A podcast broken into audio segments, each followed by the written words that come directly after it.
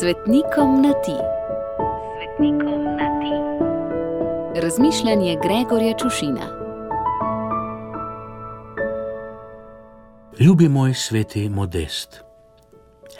Ali si bil blag, dobrosrčen in pošten zaradi svojega imena, ali pa so ti ime modestus nadeli, ker si bil blag, dobrosrčen in pošten, konec koncev ni pomembno.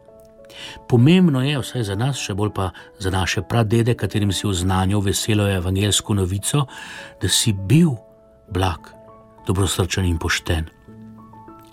Čudi me, da je mogoče, da je nekdo pri slovencih kaj dosegel brez uporabe palice, biča in žuganja.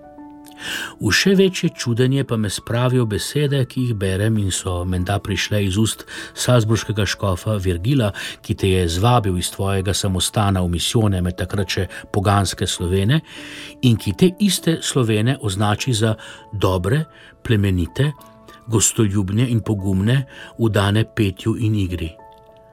Smo res potomci tega ljudstva? Ali je morda plemeniti škof nekoliko pretiraval z opisom, kot reklame pač običajno pretiravajo.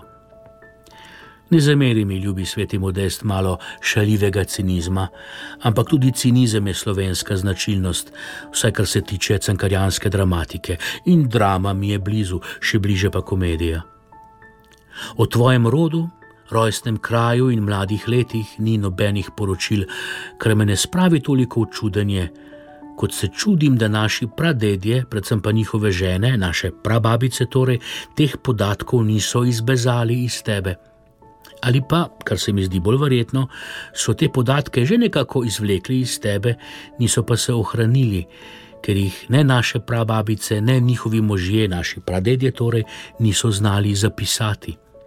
In jih tudi niso mogli se je šele kakih 200 let po tvoji smrti brižinski pisec zapisal, et če bi det naš ne zgrešil. In še dobro, drugače bi se v šolah zdaj kot o prvem zapisu v slovenskem jeziku morda učili o tem, kdaj si shodil in kaj si kot otrok najraje jedel za zajtrk. In so to čisto simpatični podatki za vsako mamo, brez dvoma tudi za tvojo. Z vidika narodne zavesti pa nimajo posebne praktične vrednosti.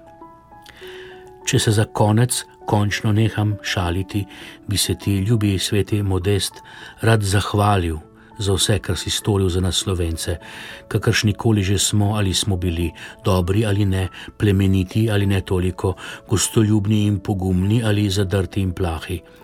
Naj ti povrneta ljubi Bog in blaga gospa sveta. Obilo žegna za tvoj god, pa nam ga vrni in kot nekoč že izli na nas. Gregor.